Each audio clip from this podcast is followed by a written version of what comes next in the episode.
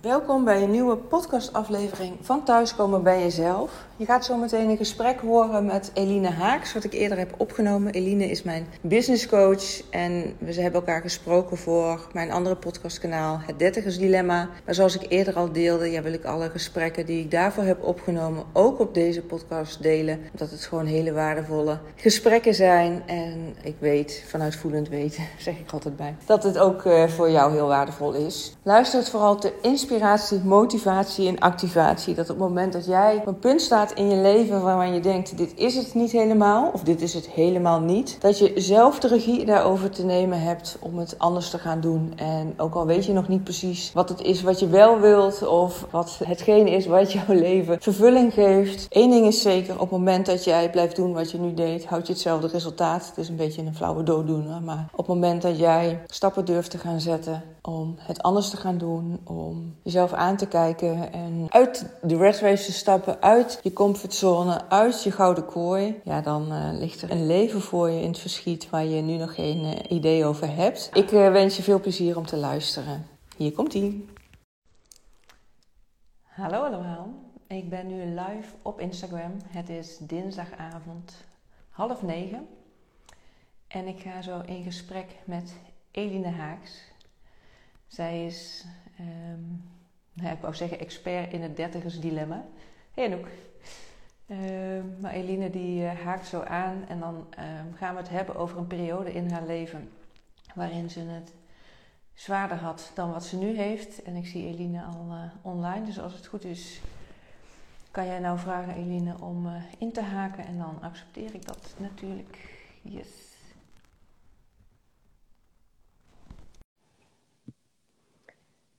Even kijken of de verbinding tot stand gaat komen.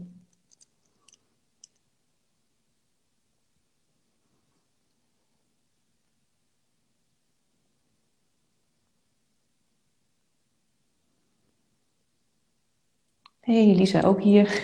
Welkom.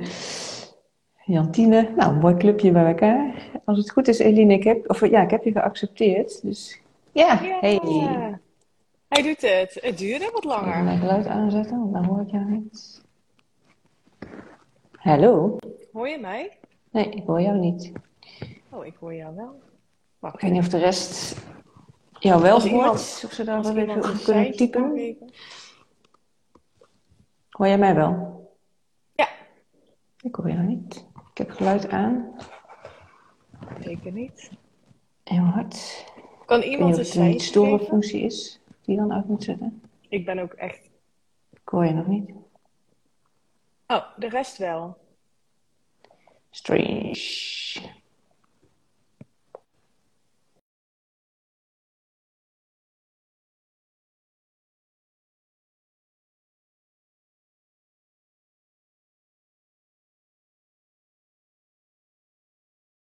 Oh, Sonja bevriest gewoon. Ik, nou, uh... jongens.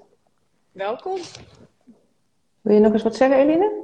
Ja, ik ben er. En volgens mij uh, hoort iedereen ons Ik hoor jou niet. Hoort de rest Eline wel? Wil dus iemand even meetypen? Wel? Oh, dat ja. is lekker handig. En... Heb jij... Uh... Als ik de microfoon eruit haal, dan doet hij het wel. Dan doet hij het wel. Oh, dan hoor ik jou wel. Oké, okay, ja, nou. Dus zonder uh, microfoon. Nou. Helemaal goed. Allemaal. Ja, als mensen even willen reageren of ze ons allebei horen, want dan lag het uh, bij mij aan Jee. Hij doet het. Leuk je te spreken, Eline. Ja, jeetje. Het is denk ik uh, een jaar geleden of zo dat ik live was op Instagram. Ja. Ik moest even nadenken. Maar ik vind het eigenlijk wel weer heel leuk. Ja, en zeker nou, met jou. Je... Ja, zeker. Het is mijn eerste live met iemand samen. Oh een paar keer live geweest. En ik heb vanmiddag even getest met Sjors, met mijn man, om te kijken oh. of het allemaal werkte. Maar dat was gelijk weer eraf. Toen werkte dus, het wel. Wat zei je? Toen werkte het wel. Toen werkte het wel, ja. Maar nou ja, en nu ook. Heel goed. Maar ik hoor van Anouk dat ze ons allebei heel goed hoort. Mooi. Hey, en even voor de beeldvorming voor de mensen die uh, meekijken en meeluisteren. Uh, want jij zit niet in Nederland. Klopt. Van waaruit uh, bel jij in? Ik uh, woon sinds september in, uh, in Portugal. En um, ja, dat is eigenlijk begin vorig jaar, dus ik denk januari, februari 2022 tot stand gekomen dat we dachten, nou, uh, COVID is een beetje voorbij, er kan, er kan weer wat meer. Um, en wij wisten eigenlijk al toen we terugkwamen van onze wereldreis, we zijn een jaar op wereldreis geweest nog, we zijn teruggekomen in 2020, dat we niet, um, ja, niet voor hele lange tijd in Nederland zouden blijven. Um, nou goed, begin vorig jaar bedacht, ja, wat, uh, wat willen we dan? En ja. we waren, ik ben één keer eerder in Portugal geweest. En om nou ja, verschillende redenen besloten om hier gewoon naartoe te gaan. En gewoon te zien hoe dat, uh, hoe dat is. En het bevalt uh, uitermate goed. Ja, en je zegt gewoon naar Portugal te gaan. Ja. Zien hoe dat is. Maar ja, er is ook een periode geweest waarin het leven wat minder gewoon voor je liep. Ja. En dat is eigenlijk waar we het nu ook over gaan hebben. En, en het is ja, een welbekend woord, thema, levensfase, het dertigersdilemma. En daar ja, wil ik gewoon veel met mensen over in gesprek die dat zelf hebben doorgemaakt of, of misschien nog daar middenin zitten. Maar eigenlijk om mensen er heel bewust van te maken ja, wat het is. Ja. En als je, er, uh, ja, als je daar uh, mee kan, als je daarin zit, wat je dan ook daarmee en daaraan kan doen. Ja. Um, dus dat is ook de reden dat wij elkaar nu zo samen spreken. Ja. Geven dat je daar wel wat over wilde delen. Ja, en ik zat ook te denken, uh, we hebben natuurlijk hè, van tevoren even contact, nou, we hebben wel vaker contact, omdat we een hele fijne samenwerking hebben. Maar ik zat ook te denken, als dat dertigersdilemma, en dat heeft bij mij geresulteerd in een burn-out, dat heeft bij mijn partner geresulteerd in een burn-out. Als dat niet was gebeurd, dan hadden we hier nu ook niet gezeten. En dat heeft mij, er is mij één mantra altijd heel erg bijgebleven en die gebruik ik nog steeds. Life is happening for you, not to mhm. you.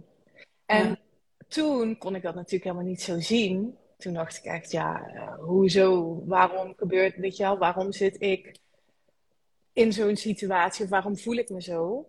En nu kan ik zien dat als dat niet was gebeurd en als ik me niet zo had gevoeld, ja, dan had ik nu niet gecreëerd wat ik nu heb gecreëerd. En ik denk dat dat wel een belangrijke starter is om mee te geven. Zeker als je nu ervaart wat veel dertigers in een dertigersdilemma ervaren. Uh, is dit het nu? Wat moet ik met mijn leven? Wat is mijn life purpose? Ja. Dat dit moment voor je gebeurt. Ja, en je zegt wel, dat had ik toen nog niet zo scherp, was me niet helder. Nu achteraf kun je daar wel, uh, nou ja, anders naar kijken. En ik heb ook gehoord van eigenlijk de meest gevaarlijke situatie is dat je in het ja, redelijk comfortabele zit. Dat je misschien net niet helemaal happy bent, maar dat het ook niet genoeg pijn doet om te veranderen. Nou ja, je hebt in ieder geval wel genoeg pijn ervaren dat je zei, ik wil dit gewoon echt aanpakken. Ja, uh, en misschien wil je wel. Ja, en wil je ons eens meenemen, want je had het net over toen keek ik er anders. Wanneer speelde het voor jou en wat, wat hield het in? Nou, ik denk um, wanneer het speelde concreet, uh, ja, echt uh, rond mijn 29ste, 30ste. Ik ben nu 36, even voor de beeldvorming. En um, ik dacht vroeger altijd, toen ik ging studeren, uh, nou, als ik mijn studie heb afgerond, ik heb gewoon een goede baan. En uh, ik kom uit een familie die allemaal uh, hoog opgeleid zijn, uh, een goede baan hebben voor what it's worth. Maar, dus ik werd daar ook heel erg in gestimuleerd. Om dat te en dan goed bedoel je in de maatschappelijke ladder? Ja, in de maatschappelijke ladder. Dus een ja. hoge functie, een verantwoordelijke rol. En um, nou ja, goed, dus, dus dat was voor mij vanzelfsprekend dat hoe hoger ik in in mijn geval op de corporate ladder uh, klom, hoe meer ik ertoe deed. Dat was mijn connectie daarmee. Uh, dus ik dacht altijd toen ik ging studeren, nou als ik die baan heb en uh, ik heb gewoon financiën goed voor elkaar, ik heb een partner, ik krijg een kindje, ik heb een huis, dan, ja, dan zal ik het geluk ervaren. Nou, dat uh, had ik allemaal op mijn dertigste. Ja. Ik had echt een ja, voor wat, voor wat de maatschappij zegt, een hele goede baan. Het geld was er ruim. We konden doen wat we wilden. Fantastische relatie waar ik overigens nog steeds mee ben, waar ik een gezond kind mee heb. Dus laat ik dat ook voorop stellen, hè, dat dat ook allemaal toen was.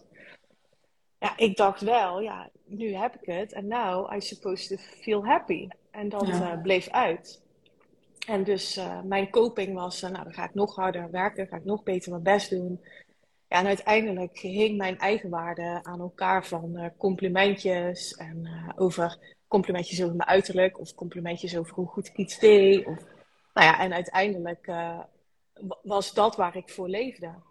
Ja, dus de reacties van anderen op hoe goed het leven er voor jou uitzag. Maar eigenlijk was meer de buitenkant dan mm de binnenkant, als ik het zo hoor. Ja, en was je daar toen ook al wel bewust van? Dat je het zo steeds een soort van het geluk aan het uitstellen was van, oh ja, als ik dit heb, dan word ik gelukkig. Als ik dit heb, dan word ik gelukkig. Nou, en ja, dat is eigenlijk ook wel, dat herken ik zeker. Want het is ook wat jij net benoemt. Uh, het lijkt heel comfortabel. Het is ook heel comfortabel, want uh, het, is, het is veilig. Je weet wat je hebt. En daarmee bagatelliseer je ook je eigen emoties. En hoe je je eigenlijk voelt. Want ja, het is natuurlijk heel makkelijk om dan te zeggen: ja, ja je hebt toch gewoon een goede baan. Je hebt een vast contract. Er komt iedere maand uh, geld binnen. Hè? Stel je niet zo aan. En dus je gaat je eigen emoties onderdrukken. Wat uiteindelijk bij mij ervoor zorgde dat die stress zich vastzette uh, in mijn lijf. Um, ja, waardoor ik uh, letterlijk en figuurlijk neerging. Dat is wat er gebeurde in ik moet even nadenken, 2015. Ja. ja. dus je lijf gaf letterlijk, uh, riep jouzelf een halt toe, omdat je het gewoon ja, niet meer trok. Ja. Eigenlijk de doorgaanmodus zat. Ja, ja. klopt. Ja. En, en uh, vooral doen, vooral doen wat ik dacht dat hoorde. En ja. um, vooral doen ja, wat ik ook van mijn familie heb meegekregen. En laat ik uh, ook zeggen dat mijn familie en zeker mijn ouders dat hebben gedaan vanuit liefde, omdat zij ook zoiets hebben meegekregen natuurlijk. Ja. Dus het is niet zo dat ik daarmee een schuldige wil aanwijzen. Zij wisten ook niet beter. Uh, maar heel erg volgens de conditioneringen van de maatschappij maar mijn leven gaan leiden. Ja, ja want even nog een stapje terug van richting je studiekeuze en het uiteindelijke werk wat je bent gaan doen. Had je daar idee dat dat, ja, had je daarover nagedacht of gevoeld van dit is ook echt wat ik het liefste doe? Of was het een soort van dit wordt van me verwacht? Nee, ja, dat is ook heel interessant. Mooi dat je dat vraagt. Ik heb uh, hotelschool gestudeerd in, uh, in Maastricht. En uh, ja, dat was echt een, een roeping. Ik riep al vanaf dat ik vijf was. Um, nou, niet dat ik dat wilde gaan studeren, maar ik was altijd bezig met het mensen naar de zin maken, het gezellig maken, uh, het andere ontzorgen, dat zit gewoon echt in mijn aard. Ik geniet er echt oprecht van nog steeds. Als ik mensen uh, zie genieten en als ik daarin een bijdrage kan leveren. En um, dus, dus ik heb hotelschool gestudeerd. En uiteindelijk heb ik een, uh, mijn afstuderen gedaan bij een vijfsterren hotel in Amsterdam. En die director of sales, die zei toen op een gegeven moment tegen mij... Joh, Eline, um, sales, dat is gewoon niks voor jou. Dat moet je gewoon niet willen. Um, ik zou iets anders gaan bedenken. En ja, toen zat ik er zo in, als iemand iets tegen mij zegt wat ik niet zou kunnen, ja, dan ga ik het juist willen bewijzen. Dat was echt van een drive om, om jezelf te gaan laten zien, maar niet zozeer ingegeven van, oh ja, dit doe ik nou echt heel graag. Nee, helemaal niet. En dat is uiteindelijk ook, uh, daar is het misgegaan, omdat ik het gevoel had dat ik iets te bewijzen had en iets te laten zien had. En toen ben ik uh, dus in die corporate wereld uh, terechtgekomen. Um, uh, ja, mensen kennen de Zuidas in Amsterdam misschien wel. En alle taferelen die daarbij horen. En daar ben ik terechtgekomen. En daar heb ik ruim tien jaar gewerkt. En, um, Dan is ja, tien jaar nog lang volgehouden. Tien jaar met iets wat je ingegeven is vanuit een soort van drive van willen bewijzen in plaats van je hart te volgen. Ja, en ik, moet ook zeggen dat ik het ook heel erg naar mijn zin heb gehad. Hè? Ik bedoel, um, ik begon daar uh, en ik had, ik had superleuke collega's. Um, ik heb enorm veel geleerd over um, strategisch beleid, over sales. Dus ik heb ook heel veel geleerd.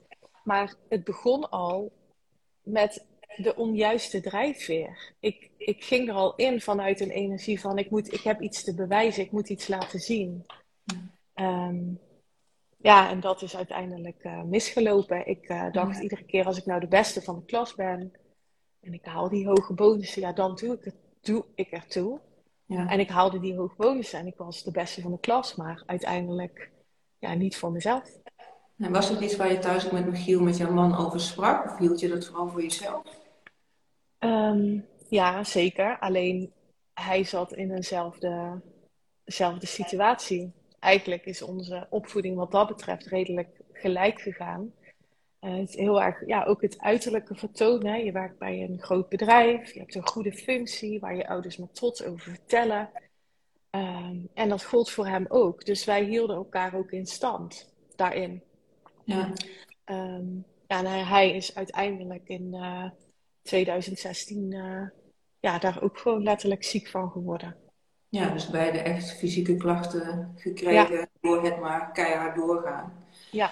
En wanneer kwam dan voor jou het punt van zo kan het dan niet verder? Of, of wat maakte dat er iets ging veranderen? Um, ik denk toen, ik kreeg dus in 2015, uh, eh, zat ik aan de lunchtafel op kantoor. We hadden een hele grote kantoortuin met um, heel veel ramen, heel veel glas. En het interessante was ook dat uh, wij zaten in de kantoortuin en dan had je een klein trapje omhoog. En dan had je daarboven had je de directieruimte, wat helemaal van glas was. Dus de directie keek letterlijk op ons neer, wat sowieso een hele interessante dynamiek gaf. Daar was ik me toen nog niet zo van bewust. Maar ja, dat gaf wel de hele tijd die druk ook van moeten presteren. Nou, tijdens de lunch, ik weet niet meer welke, wanneer het precies was, maar um, voelde ik steken in mijn borst. En uh, ik liep weg van de lunchtafel en ik viel flauw. En uh, toen kwam de ambulancebroeder en die zei, de ambulance kwam, die ambulancebroeder zei, nou, ik denk dat het verstandig is dat je, dat je even rustig aan gaat doen. Nadat hij wat vragen had gesteld. En het eerste wat ik zei was, ja, maar uh, ik heb nog één kwartaal om mijn doelstelling te halen. Dus dat gaat gewoon niet. Je zat helemaal nog in die modus van...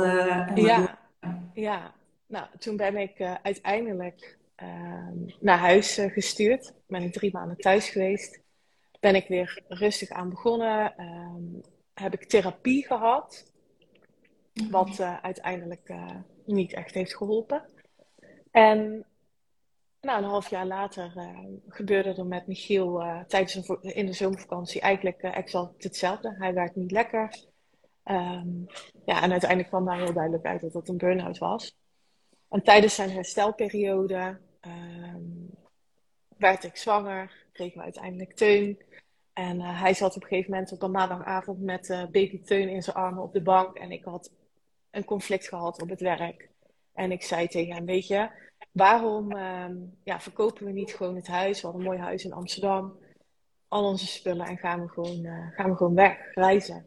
Ja, en toen zei hij, ja, is goed. En oh, ja. the rest is history, denk ik. Ja. ja. Want was dat dan iets waarvan je al eerder daarover gesproken had? Of was het op dat moment een ingeving dat je echt dacht van ja, nu ja. ben ik echt helemaal klaar mee? Ja, ik voelde zo, dit kan gewoon niet. Hij, uh, hij zat daar in zijn pak met zijn stropdas om. Beetje bleek, weet je wel. Ik was gewoon op.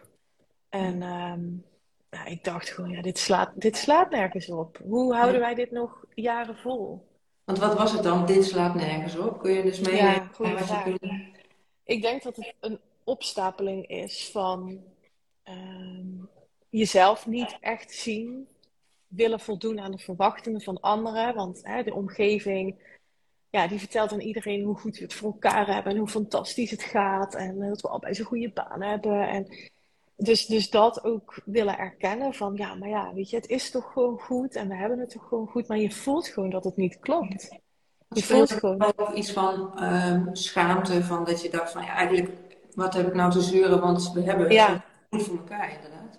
Ja, heel erg. En daar komt ook dan dat bagatelliseren vandaan. Dat je denkt, ja jeetje, er zijn mensen die hebben het echt, die hebben het echt slecht, weet je wel. Um, ja, dus dan ga je het downgraden. Ja, maar ook een risico dus dat je jezelf eigenlijk, je klachten en dat het speelt minder serieus neemt. Omdat je zegt van ja, wat heb ik nou eigenlijk om te zuren? Want andere mensen hebben het moeilijker of zwaarder. Wat ja. dus uiteindelijk doorgaat. Ja. Ja. ja, en de druppel. Ik weet niet wat de druppel was. Misschien het conflict waarvan ik niet eens meer weet waar het over ging. Um, ja, het was echt ook een typische Zuidas-sfeer. Ik weet niet of er mensen zijn die die omgeving kennen, maar uh, nou ja, goed. Dus, dus ik denk dat het een opeenstapeling is geweest van omstandigheden, van situaties, waardoor ik gewoon zei. En ik had niet eens verwacht dat Michiel zei: Oh ja, dat is goed. Want het was inderdaad nooit eerder ter sprake gekomen. Maar dat zei hij dus wel. En ik voelde gewoon: Ja, dit moeten we doen. Ja, dus dat was echt het moment om dingen anders te gaan doen. Ja. Nog even een stapje terug, want je zei ook toen jij met die drie maanden thuis zat, dat je zei: Ik heb ook therapie gehad. Ja. Wat was dan waar je met jezelf mee, met een therapeut of coach, wat dan ook, mee aan de slag ging? Ja, het was, ehm, eh, het was aangestuurd door mijn werk en ehm, door mijn werkgever. En dat was uh, cognitieve gedragstherapie. En ja, therapie, ehm, als je het uh, vergelijkt met coaching, therapie gaat over terugkijken naar je verleden en daar echt in gaan graven van hè, wie ben jij en wat, hoe ben je hoe, wat is je verleden geweest? En daar uh, op een andere manier daar gaan kijken. Uh, maar dat betekent dus dat ik bij iedere sessie terugging naar eigenlijk alleen maar die ellendige situaties van vroeger. En ik kwam, nou ja, dat duurde dan een uur. En na een uur, de wachtkamer zat vol. Want ik was niet de enige in uh, Amsterdam-Zuid met een burn-out, zeg maar. Uh, dus na een uur was het gewoon het wekkertje. En uh, nou, bedankt Eline, ik zie je volgende week. En ik ging alleen maar met een zwaarder gevoel die deur weer uit. Toen dacht ik, ja, maar dit kan, dit kan toch niet waar zijn? Ja, en als je je dan niet zo goed voelt of je hebt een zwaarmoedig gevoel, ja, dan helpt het meestal als je gezond eet. Uh, of even naar buiten gaat. Toen dacht ik, ja, I could figure out this. Ja. Weet je wel? Dit, ja, dus... Dat je zelf ook wel kunnen bedenken, of misschien al wel ja. ja. ja, ja. Ja. Dus dat heeft, me niet, uh, dat heeft me niet verder geholpen. Pas toen ik uh, aan de slag ging met een coach, um, ja, die net als jij uh, zich echt richt op deze doelgroep, ja, toen is alles veranderd. Ja, want wat is daarin voor jou het verschil geweest? Wat, wat ben je gaan aanpakken of gaan veranderen? Nou, hij, het was een hij, richtte zich echt op je verlangen. En op, maar wat zou je, als alles mogelijk is, wat zou je dan willen? En ik kon daar nog niet zo goed bij, omdat ik dacht dat dit het leven was, zeg maar. Ja. Maar door mij te erkennen, en door te erkennen in welke situatie ik zat, en uh, me perspectieven te bieden, dat, dat, en, en mezelf vertrouwen te geven, dacht ik, holy shit, de wereld ligt eigenlijk aan mijn voeten. Ja, dus letterlijk je oogkleppen eigenlijk heeft afgedaan door bepaalde vragen te ja. in gesprek te gaan. In plaats van nou ja, binnen de kaders waarin jij dacht dat het hoorde en dat dat de wereld was. Dat je daar uh, nou ja, ja, breder in kon, uh, kon kijken. Ja, dat was het precies. En toen dacht ik, ja, maar uh, what else is possible? Dan, dan inderdaad, dan kun, want dit was in de tijd dat ik tegen Michiel had gezegd van, nou laten we gewoon vertrekken.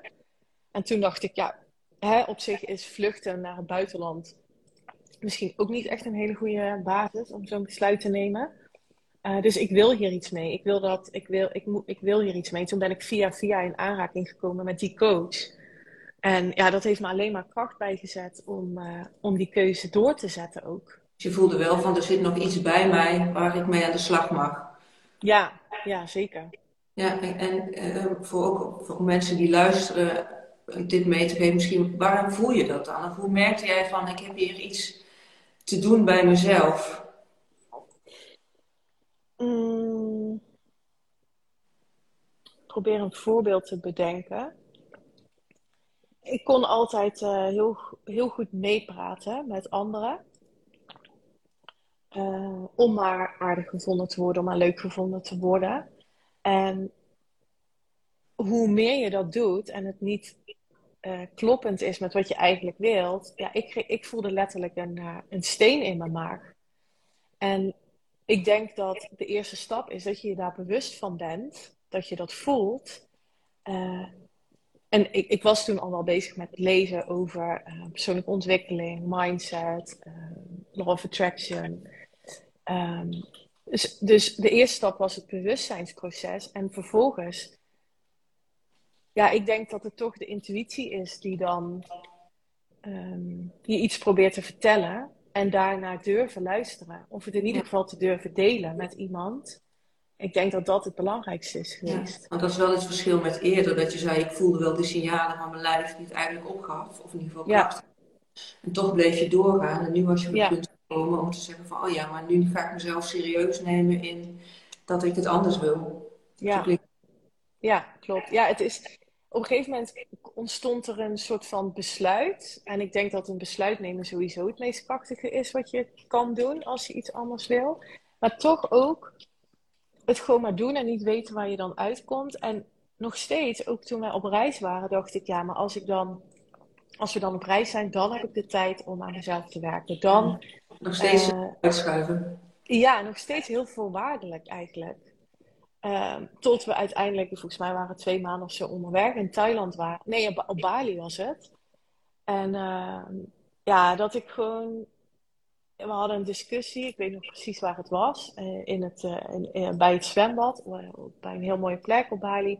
Ja, en ik zei tegen Michiel van ja, luister, ik, ik wil dit gewoon niet meer. Ik voel dat ik zo verwijderd ben van wie ik ben. Ik weet eigenlijk niet eens echt wie ik ben. Maar ik ga nu wel um, ervoor zorgen dat dat mijn prioriteit wordt.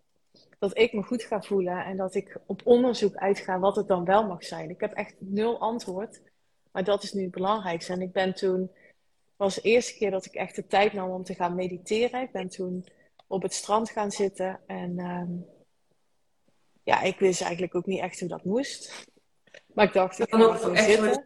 Was het ook dan voor jezelf dat je echt voor het eerst dacht, inderdaad, en nu zet ik me, ga ik mezelf op één zetten? Want zo ja. ook. Ja, met, met, met echt het gevoel, uh, ik ben bereid om alles te verliezen.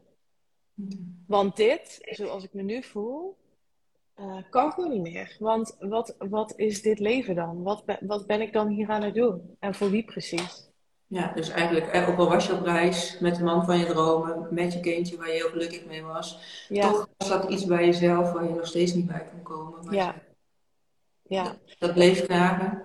Dat bleef knagen. En ja, dat was dus um, het rigoureuze, maar beste besluit dat ik ooit heb genomen. Dat mijn welzijn altijd mijn hoogste prioriteit is. Ja, en dat is, uh, ja, dat is tot op de dag van vandaag nog steeds zo. Ja. Ja, want hoe is het vanaf dan verder gegaan? Want jij zit dan daar op dat strand te mediteren, terwijl je wat je zegt eigenlijk niet zo goed weet wat ja. Ja, ik dacht, nou ja, prima, dan ga ik dit maar doen. Ik weet het ook niet. En toen ben ik gaan lezen. Ik ben gewoon... En ik ben... Uh, ik, ik was al bekend, dat is ook wel frappant, met kwantumfysica, law of attraction. En ik ben toen maar het, het veld of het universum om hulp gaan vragen. Van ja, weet je, als dit het ergste is, dan laat me maar zien wat er, wat er wel mogelijk is. En dan, um, ja, dan ben ik bereid om te doen wat nodig is. En ja, toen ben ik gaan lezen, heel veel gaan lezen. Heel veel YouTube-video's gaan kijken over uh, vooral mensen die in een soortgelijke situatie hebben gezeten.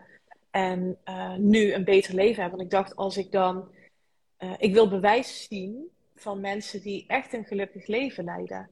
Dus daar ben ik uh, heel veel over gaan lezen, gaan kijken. En uh, ja, en toen, ontstond, toen ontstond het gevoel van ja, en toen wist ik, en toen ben ik ook meer gaan studeren over kwantumfysica. En toen wist ik van fuck, mijn eigen, hoe ik denk en hoe ik me voel, hoe ik, vooral hoe ik denk over mezelf, want dat is eigenlijk het fundament, dat bepaalt hoe ik mijn realiteit ervaar. Dus wat denk ik nu over mezelf en over datgene wat ik eigenlijk wil? Die vrijheid en iets bijdragen aan de wereld. Dat voelde ik ook heel erg. Ik wil gewoon iets doen. Um, dus toen ben ik gaan opschrijven, nou ja, wat zou dat dan kunnen zijn? En wat geloof ik daar dan over? Wat geloof ik over mezelf? Nou, dat was echt wel het down the rabbit hole. Is gewoon een grote shitshow wat ik over mezelf schreef.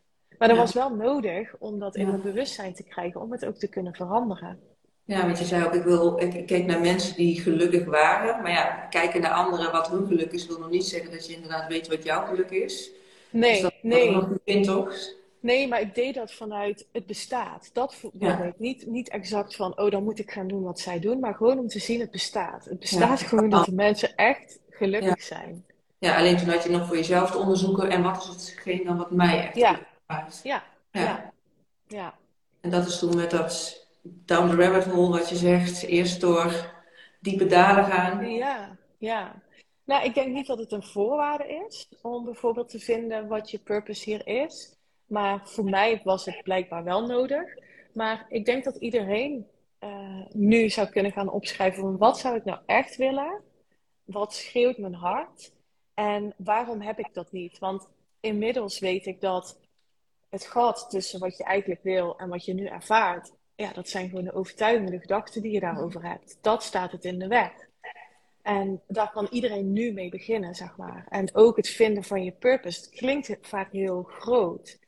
Maar je zou eens kunnen beginnen met te bedenken: ja, wat maakt me eigenlijk aan het huilen? Wat zie ik in de wereld wat me eigenlijk aan het huilen maakt? En dat heeft mij heel erg geholpen om te vinden wat ik voor een ander zou kunnen betekenen. Ja, dus dat je echt daarin ook gaan bent gaan voelen van wat wil ik vanuit mijn hart. In plaats van wat wil ik omdat de maatschappij dat uh, verwacht. Ja. ja.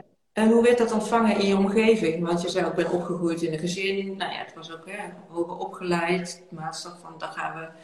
Hè, jij in ieder geval een goed betaalde baan. Ja, dat zeg je dan ook samen met Michiel, zeg je dat erop. Ja. Hoe heb je erop gereageerd? Nou, ik denk omdat we allebei zo uh, overtuigd waren dat we dit te doen hadden, dat we het ook zo brachten dat mensen dachten: oké, uh, ja, volgens mij gaan ze dit gewoon doen. Um, en natuurlijk zagen zij ook wel dat het niet per se heel goed ging, en zeker bij, bij Michiel. Um, en dat, ja, dat het eigenlijk wel logisch was dat er iets anders mocht gaan gebeuren. En ik moet zeggen dat onze directe familie, ouders en mijn schoonouders daar heel liefdevol uh, op hebben gereageerd. En ons heel erg hebben aangemoedigd, hoewel ze het natuurlijk wel moeilijk vonden dat wij met hun kleinzoon van toen uh, één jaar, uh, ja, een jaar weg zouden gaan. Hebben ze wel gezien dat het voor ons heel goed was. En dat voelden ze denk ik ook wel. In de laag daar, hoe moet ik dat zeggen, de, de, de ring daaromheen dus wat meer indirect bekenden en familie, ja, daar kregen we wel iets meer reacties van, van ja, maar is dat niet een risico met een kind? En waarom doe je dat nou? Je hebt een goede baan. En, dus um, ja, daar was het meer een probleem dan bij onze ouders. Ja, en heeft je dat ergens nog aan het twijfelen gebracht? Of voelde je dit Nooit. zo dat je echt dacht van nee, dit is... Nooit. Nooit. En ook later, ik ben zo... Um, ik wil eigenlijk wel zeggen, teruggekomen bij mezelf. Want zij was er eigenlijk altijd al. En daardoor ben ik dus ook hè, uh, anders gaan zijn. En ik heb ook uh, mensen uh, verloren. Vriendschappen die ja, gestopt zijn. En dat klinkt pijnlijk. En op dat moment was het dat ook wel. Maar ik kon niet anders dan mezelf zijn. En ik denk dat als je echt teruggaat naar die essentie en toegeeft aan wat je hier te doen hebt en wat je echt wil, dat je vanuit die staat ook pas echt in staat bent om echte connecties te maken. En um, ja, dat, dat ervaar ik nu wel. Ja. ja. En daar waar je eerder echt nou ja, je leven inrichtte op de mening van anderen, van wat je dacht wat anderen belangrijk vonden of wat een goed aanzien had, ja. was dat ineens echt vanuit, nee, maar dit is wat ik te doen heb, dit is wat wij te doen hebben samen met Michiel, dat juist die mening van anderen er helemaal niet meer toe deed. Nee, en ook de misvatting dat als je een rijk sociaal leven hebt, wat wij hadden, we hadden veel vrienden uh, in Amsterdam, uh, we hadden ieder weekend wel iets te doen, dat je het, dat het, dat je het dan ook hebt gemaakt. Maar een rijk, uh, hè, in, in kwantiteit veel vrienden hebben, uh, ja, betekent niet dat het een echte verbinding is. En uh, ik merk wel dat. Dus, dus ik zie bijvoorbeeld dat je op verschillende niveaus kunt verrijken. Dus op gezondheid, op uh, spiritualiteit, op je baan of je onderneming en op relaties. En al die facetten van je leven, de kwaliteit daarvan hangt af van in hoeverre jij verbonden bent met jezelf in relatie tot dat topic. Dus de kwaliteit van relaties verbeterde, omdat de kwaliteit met, mijn, met mijzelf verbeterde. Ja, dus en... dat haal je uit, daar trek je misschien ook mensen op aan. Ja. Mensen wat je zegt, moet je afscheid van nemen. Of ja, die passen exact. niet meer bij wie je dan bent. En dan is dat ook goed. Dan, is dat, ja. dan was het een passant in je leven. En heb je daar heel veel mooie lessen van mogen leren. Ja. Uh, en dan, dan is dat ook, ja, dan is dat ook oké. Okay. Ja. ja. En als je vanuit het punt waar je nu staat terugkijkt naar die fase van, nou ja, voel je nog die energie van keihard werken zat, fysieke klachten ervaren. Wat zou je klein, de jonge Eline van toen dan meegeven? Ja, cool, goede vraag. Mm. Ja, ik denk uh, vooral uh, doe, doe, wat goed voelt. Ja, dat klinkt natuurlijk heel abstract, maar uh, je mag kiezen wat je hart je ingeeft. Sterker nog, ik geloof echt dat we dat in deze maatschappij de default mode moeten gaan maken. Dat mensen hoe, zou je dat, sorry, hoe zou je dat dan die Eline van toen meegeven? Want toen dacht je ook dat je eigenlijk deed wat je uh, te doen had, hè? Om, om, om nou ja, in die maatschappelijke ladder uh, verder op te klimmen. Nou, ik kan nu heel goed zien dat het onderscheid maken dat dat echt vanuit mijn hoofd beredeneerd was. En wat ik nu doe is echt vanuit mijn hart. Ja. Dus, uh, en, en, en, toen voelde ik ook wel, ik was, ik, en dat ben ik nog steeds, dat is ook mijn human design, mijn emotionele um, centrum is uh, open. Dus ik, ik kan heel goed inleven op emoties van anderen, dat heb ik nog steeds. Maar dat ik daar ook erkenning voor mocht geven dat dat was wie ik was. In plaats van dat ik probeerde om dat tegen te houden, bijvoorbeeld. En ik voelde dus, ik, ik denk dat ik altijd al wel een sterk ontwikkelde intuïtie had, maar ik heb daar nooit um, vanuit durven leiden. En ik zou nu tegen haar willen zeggen: had je gevoel maar gevolgd. Ja. Maar ja, nogmaals, ik geloof echt dat dat had mogen gebeuren. Uh, om te, te maken dat ik nu hier ben. Dus ik ben heel erg dankbaar ook voor die periode. Ja. Ja, met alles wat je daardoor hebt geweten van dit wil ik, gevoeld hebt van dit wil ik dus niet. En zo wil ik niet langer verder. Dat het je gebracht heeft van waar je nu, uh, van waar je nu staat. Ja. Ja. Ja. Nou, zij... ja.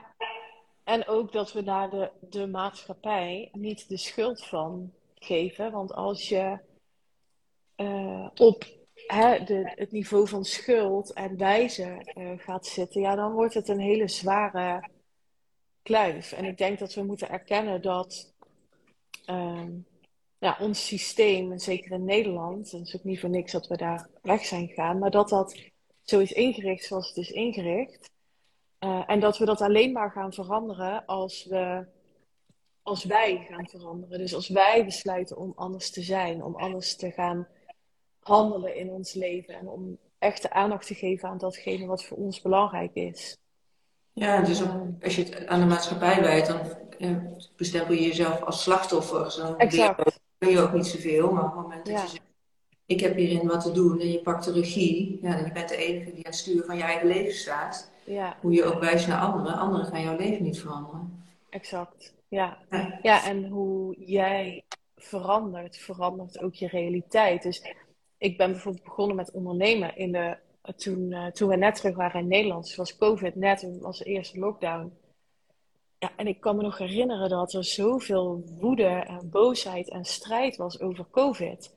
En ja, ik dacht alleen maar, uh, ja, ik zie het wel eigenlijk als een kans. En ik kan nu gewoon de tijd nemen om me te ontwikkelen. En ik heb die hele ervaring totaal anders beleefd dan nou, bijvoorbeeld vrienden van mij die toch wel angstig waren. En dus, dus een situatie of een omstandigheid kan er van een afstandje hetzelfde uitzien voor iedereen. Maar hoe je het ervaart is totaal anders. En dat is aan jou. En daarmee ja, ook de ervaring van het leven überhaupt, denk ik. Ja.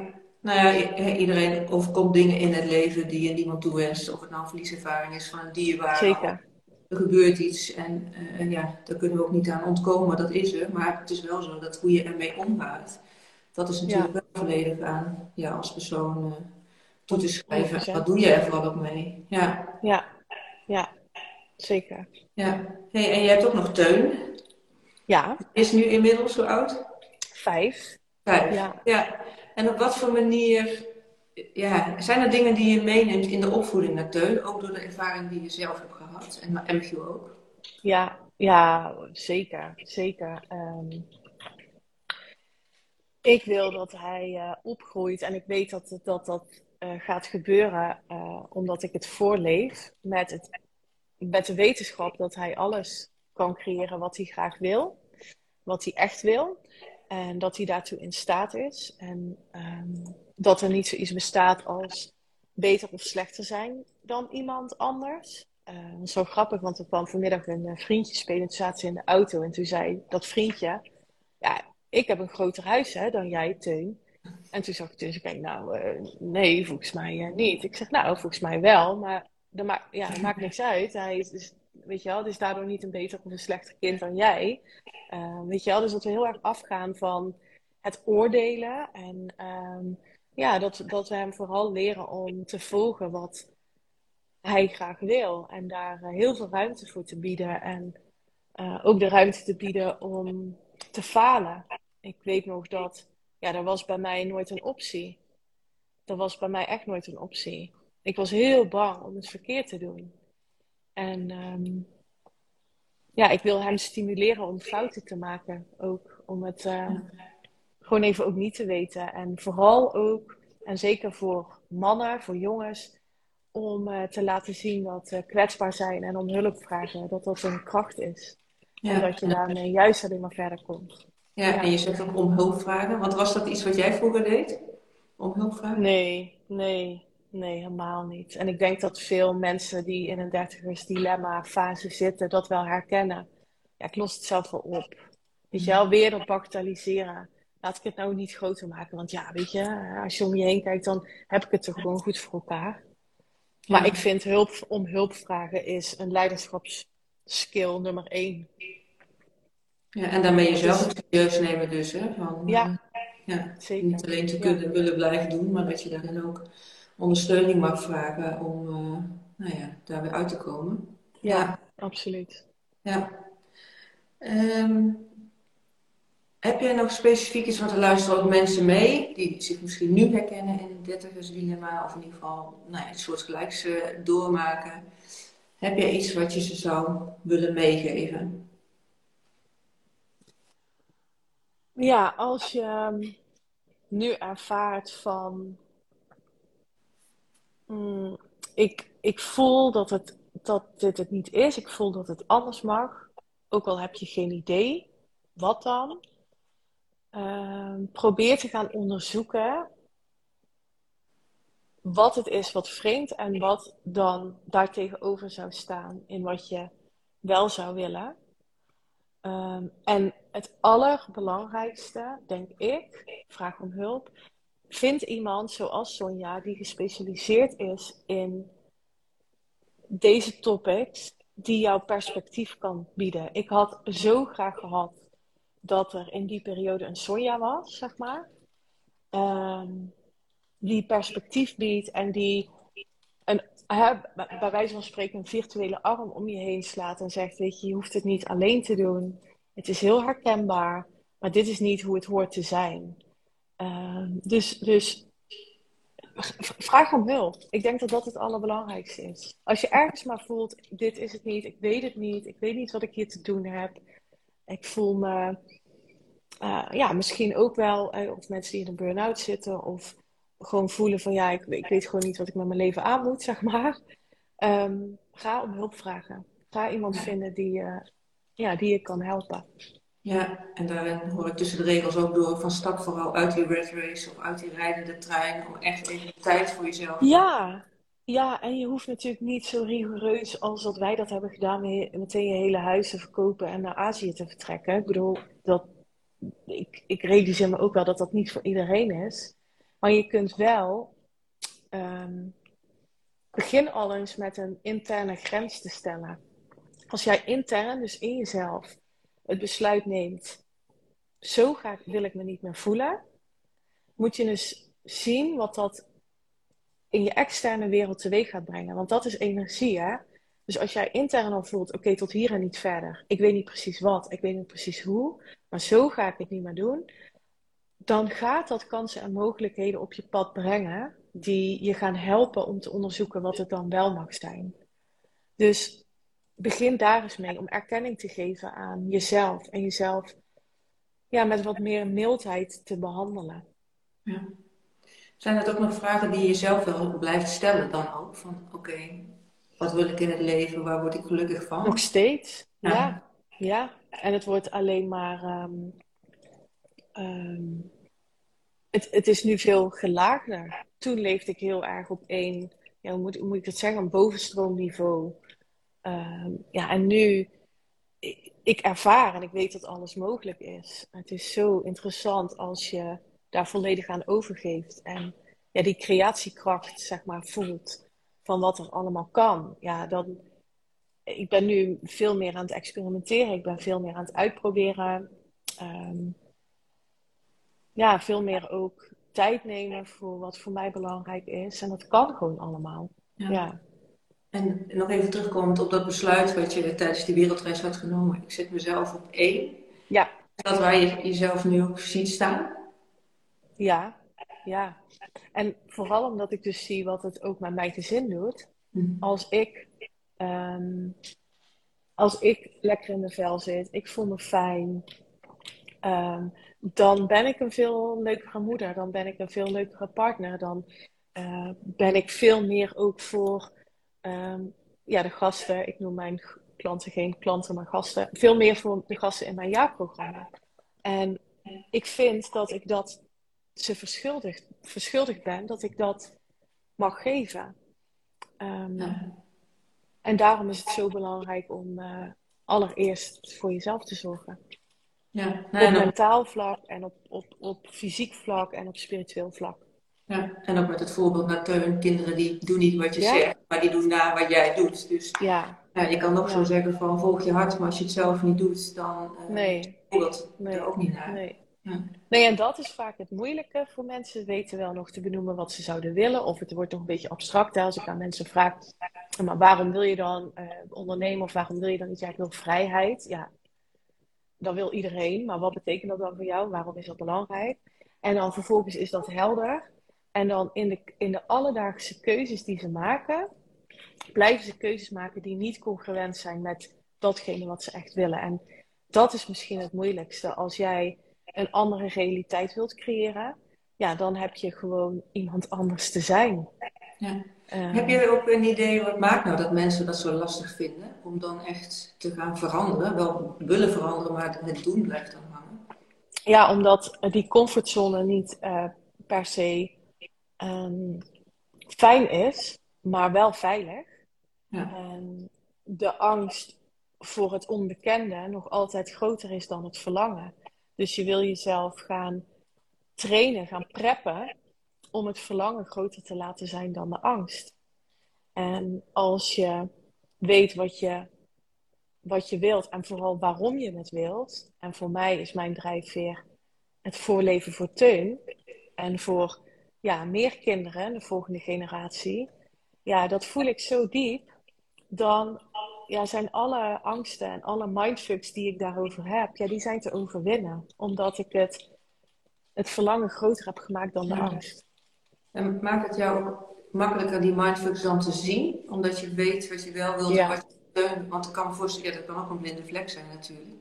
Ja, maar daarom investeer ik ook, ik ook in coaching en in begeleiding. En ehm, juist omdat ik het prioriteit maak om dat te zien. En, en ook bij mij zitten er onbewuste patronen die toch blijven afspelen. En ja, ik kan wel zeggen dat ik een hoge mate van zelfbewustzijn heb ontwikkeld. Ehm, en ook echt uh, iedere dag bezig ben met introspectie. Dus naar binnen keren. Wat denk ik? Wat voel Als ik iets voel, dat niet uh, aan de kant te schuiven, maar daar echt naar te gaan luisteren. En te kijken, oké, maar wat wil het mij vertellen? Ja, en dat is iets wat je gewoon... Um, ja, wat je je prioriteit zou moeten maken, denk ik. Ja. Ja. wel mooi dat je dit zegt. Want een van de vragen die ik op mijn lijstje had staan nog is... Ben je bang voor eventueel een herhaling van weer een burn-out? Of van, nou ja, misschien een andere soort midlife. Maar als ik dit zo hoor... Nee. dan is er helemaal niet eens ruimte voor. Uh, nee. Dat dat mis kan gaan. Zo klinkt het in ieder geval. Nee, en daarmee wil ik niet zeggen dat er ook bij mij uh, in het leven ongetwijfeld fases zullen komen of dingen zullen gebeuren waar ik pijn en verdriet van zal ervaren. Mhm. Want ja, dat is uh, ook het leven. En ja. um, ik vind het ook een misvatting om te denken dat je alleen maar kunt creëren wat je wilt en daarvoor je alleen maar goed hoeft te voelen. Ik vind dat ook echt gevaarlijk om te zeggen. Ik denk dat er heel veel kracht zit in, um, ja, in die andere kant, in die donkere kant van het, het wel leven. aan willen kijken. hè. Dus dat je zegt van, Dat is het. dat er is van, ik, ik ga er niet bij weg. Ik steek mijn Nee. de kant of ik ga weg, hard werken, waardoor ik daar niet bij hoef te zijn. Maar steeds daarin bij jezelf blijven. Maar dat, is, dat doen veel mensen niet, want dat is, dat is eng. En wat wil dat mij dan vertellen? En ehm, ik hoorde laatst in een podcast ook, ik vond het zo treffend dat mensen dan, je ziet steeds meer mensen die bijvoorbeeld gaan mediteren, maar die gaan dan mediteren als symptoombestrijding omdat ze zich onrustig voelen, als symptoombestrijding om maar niet bij die emoties te hoeven komen. Ja, en dat is, eh, dat is spiritual bypassing. Het, Ja. De kracht zit hem juist in oké, ik heb die emoties, mag dat er zijn? Even dat helemaal door je lijf laten gaan. En dan gaan kijken, wat wil dit mij nou zeggen? Want daar zit ook een verlangen achter. Ja. Dus ik denk dat het belangrijkste is, als je nu voelt, het mag anders, dat je op onderzoek uitgaat in jezelf. Ja, Ja, ja. En een beetje aan het begin van het gesprek zei je ook van ja, die maatschappij die kunnen we niet veranderen. Dat hebben we echt aan onszelf, eh, in onszelf te veranderen. Wel hoor ik in Ja. ieder geval terug met hoe jij eh, ja, met de opvoeding van Teun bezig bent. Hoe Michiel en jij in ieder geval ook vorm geven aan jullie leven. Het is natuurlijk wel een zaadje wat weer geplant wordt bij meerdere mensen. Waardoor ja, je hoopt dat als het een soort olievlek is, als je dat zo mag zeker. dat het steeds wel meer mensen zich Ja. hier bewust van zijn. En, en nou ja, Teun wordt alweer anders opgevoed, krijgt andere dingen weer mee hè, dan wat jij weer in het verleden hebt gehad. En eh, Ja. zo'n van Teun hoort ook zo'n opmerking die je maakt over dat huis. Ja, Dus die misschien ook wel even denken, maar oh ja, wat is er nou eigenlijk belangrijk? En, eh, ja. ja, En daarmee veranderen we denk ik wel de maatschappij. En dat maakt ook zeker. ja, mijn missie zo sterk. Ja, ja, Want als we de maatschappij willen veranderen, ja, dan hebben we echt te beginnen bij onszelf. In die oude slogan. Wat was Ja. het ook alweer? Een beter milieu begint bij jezelf. ja verbeteren Maar dat is natuurlijk wel zo. Ja, ja dat is Ja. het. Ja. Ja, ja. Hey, dankjewel voor je openhartigheid, voor je mooie verhaal. Ik kijk nog even of er nog mensen zijn die kijken, die misschien nog iets in de, de reacties willen zetten. Of er nog vragen zijn, of dat we nog iets mogen belichten wat eh, nou ja, jullie misschien gemist hebben. Dan eh, ja, reageer vooral even in de chat met eh, eh, een vraag of een reactie. Dat mag natuurlijk ook. Ik zag in het gesprek eerder al wel wat hartjes naar boven komen. Dus dat Oh wel ja, oh, dat kan ik niet zien. Oh, dat is leuk. Nou, en eh, ja, mochten mensen die het terugkijken eh, nog vragen hebben, eh, ja, wees meer dan welkom om een eh, berichtje te sturen. Zeker. Dat kan altijd. Ja, zeker. En ik zie het ook, hè, we eh, allebei onze missie hier om eh, mensen bewust te maken dat het anders kan in het leven. En dat je daar vooral zelf, eh, eh, of niet zelf bij hoeft te blijven lopen, maar dat je Nee. zeker eh, hulp voor kan inroepen. En vooral ook te weten, wat je ook aan het begin zei, van, ja, dat je er niet alleen in bent. Ja, Dat er ook, eh, Ja. en zorg dat je mensen vindt die, eh, nou ja, ik haal het nog maar een keer aan, maar jij, jij zit helemaal in die, in die groep. Dus dat is zo relevant. Je kan iedere random coach of therapeut, wat, waar ik toen mee opgezadeld zat, eh, eh, toegewezen krijgen of kiezen. Maar het is zo relevant om te kijken naar welke, op, op welke thema's heb ik nu vraagstukken en waar zit ik mee en daar echt een expert in te vinden. Ja. Ehm, dus ja, ik ben dat blij. je symptoombestrijding gaat doen. Tenminste, daar geloof ik heel erg. Exact. Ja, Ja, dat je precies. echt naar de Dus kern mag gaan. Ja, en dus Ja. als je de vragen mag beantwoorden voor jezelf. ja, Ja. ja. Dus, Dus ik ben heel eh, blij dat je er bent. Ja, nou voor de mensen die zich uitgenodigd voelen, eh, ja, neem contact met ons op. Of als je vragen hebt of denkt van, hé, hey, dit heeft me wel aan het denken gezet. Of in ieder geval wakker geschud. Want denken vind ik ook altijd zo'n gevaarlijke. Want we leven echt in zo'n maatschappij dat we geacht worden om over, over na te denken. En eh, nou ja, terwijl Ja, we nou heel ja. veel voelen met ons lijf, eh, maakt al een Ja, heel groot verschil. Of je nu luistert en denkt, oh ja, dat was wel interessant. En vervolgens eh, gaat dit, sluiten we dit af en dan ga je lekker zitten scrollen op Instagram. En dan, vergeet, Ja. dan verandert er ook weer niks. Dus eh, Ja, ze Ja, ga iets doen. eh, te dromen over je mooiste toekomst die dan uiteindelijk niet gaat komen. Nee. precies. Ja. Kom vooral van die bank af en klim in de, nou ja, in dit geval in de telefoon, als je ons wilt bereiken. Precies. Ja. Nou, ik heb geen reacties eh, meer gezien, dus ik wil iedereen bedanken voor het meekijken. En ook voor de mensen die later eh, terugkijken. Nou ja, ook eh dankjewel voor de tijd die je daarvoor neemt. En jij, Eline, ontzettend bedankt nogmaals voor je verhaal en ook je tijd. Heel graag gedaan. Heel graag gedaan. Thanks. En eh, tot gauw. Zeker. Oké dan. Fijne avond iedereen. Doei. Doei. Dankjewel voor het luisteren en wat mooi dat je tot het einde bent gebleven. Nou, uh, Eline en ik zouden het ontzettend leuk vinden om terug te horen van je wat je uit deze podcastaflevering haalt wat je inspireert of nou ja, eventueel stappen bent gaan zetten. Ik zal in de show notes de gegevens van Eline zetten, zodat je haar op Instagram kan volgen of haar podcast kan gaan luisteren. Hele waardevolle informatie en ook zeker inspirerend. Ja, mocht je zelf op het punt staan in je leven en nu denken van ja, maar wacht eens even, ik ga ook de regie in handen nemen en zorgen dat ik een andere richting geef aan mijn leven. Ook al weet ik nog niet precies waar het toe gaat leiden, maar ik ga in ieder geval niet door met waar ik nu sta en wat ik aan het doen ben. Ik zou zeggen, stuur me een DM, dan kunnen we na de kennis maken en inzoomen op jouw persoonlijke situatie. En samen gaan kijken wat van mijn coachtraject het beste bij jou past. Alles natuurlijk geheel vrijblijvend. Voel je tot niks verplicht. Ik kijk er naar uit om met je kennis te maken. Ik wens je voor nu een hele fijne dag, een heel mooi leven en tot in een volgende aflevering.